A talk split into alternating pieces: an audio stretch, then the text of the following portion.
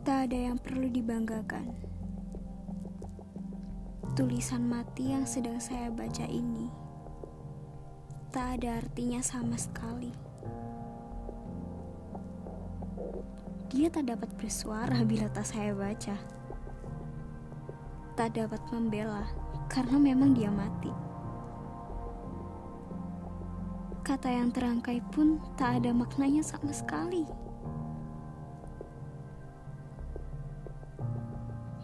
Hanya sekedar menuliskannya.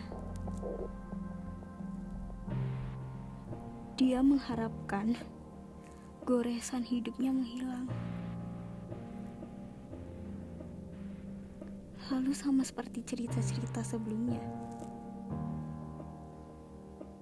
Dia berharap bahagia mungkin akan datang.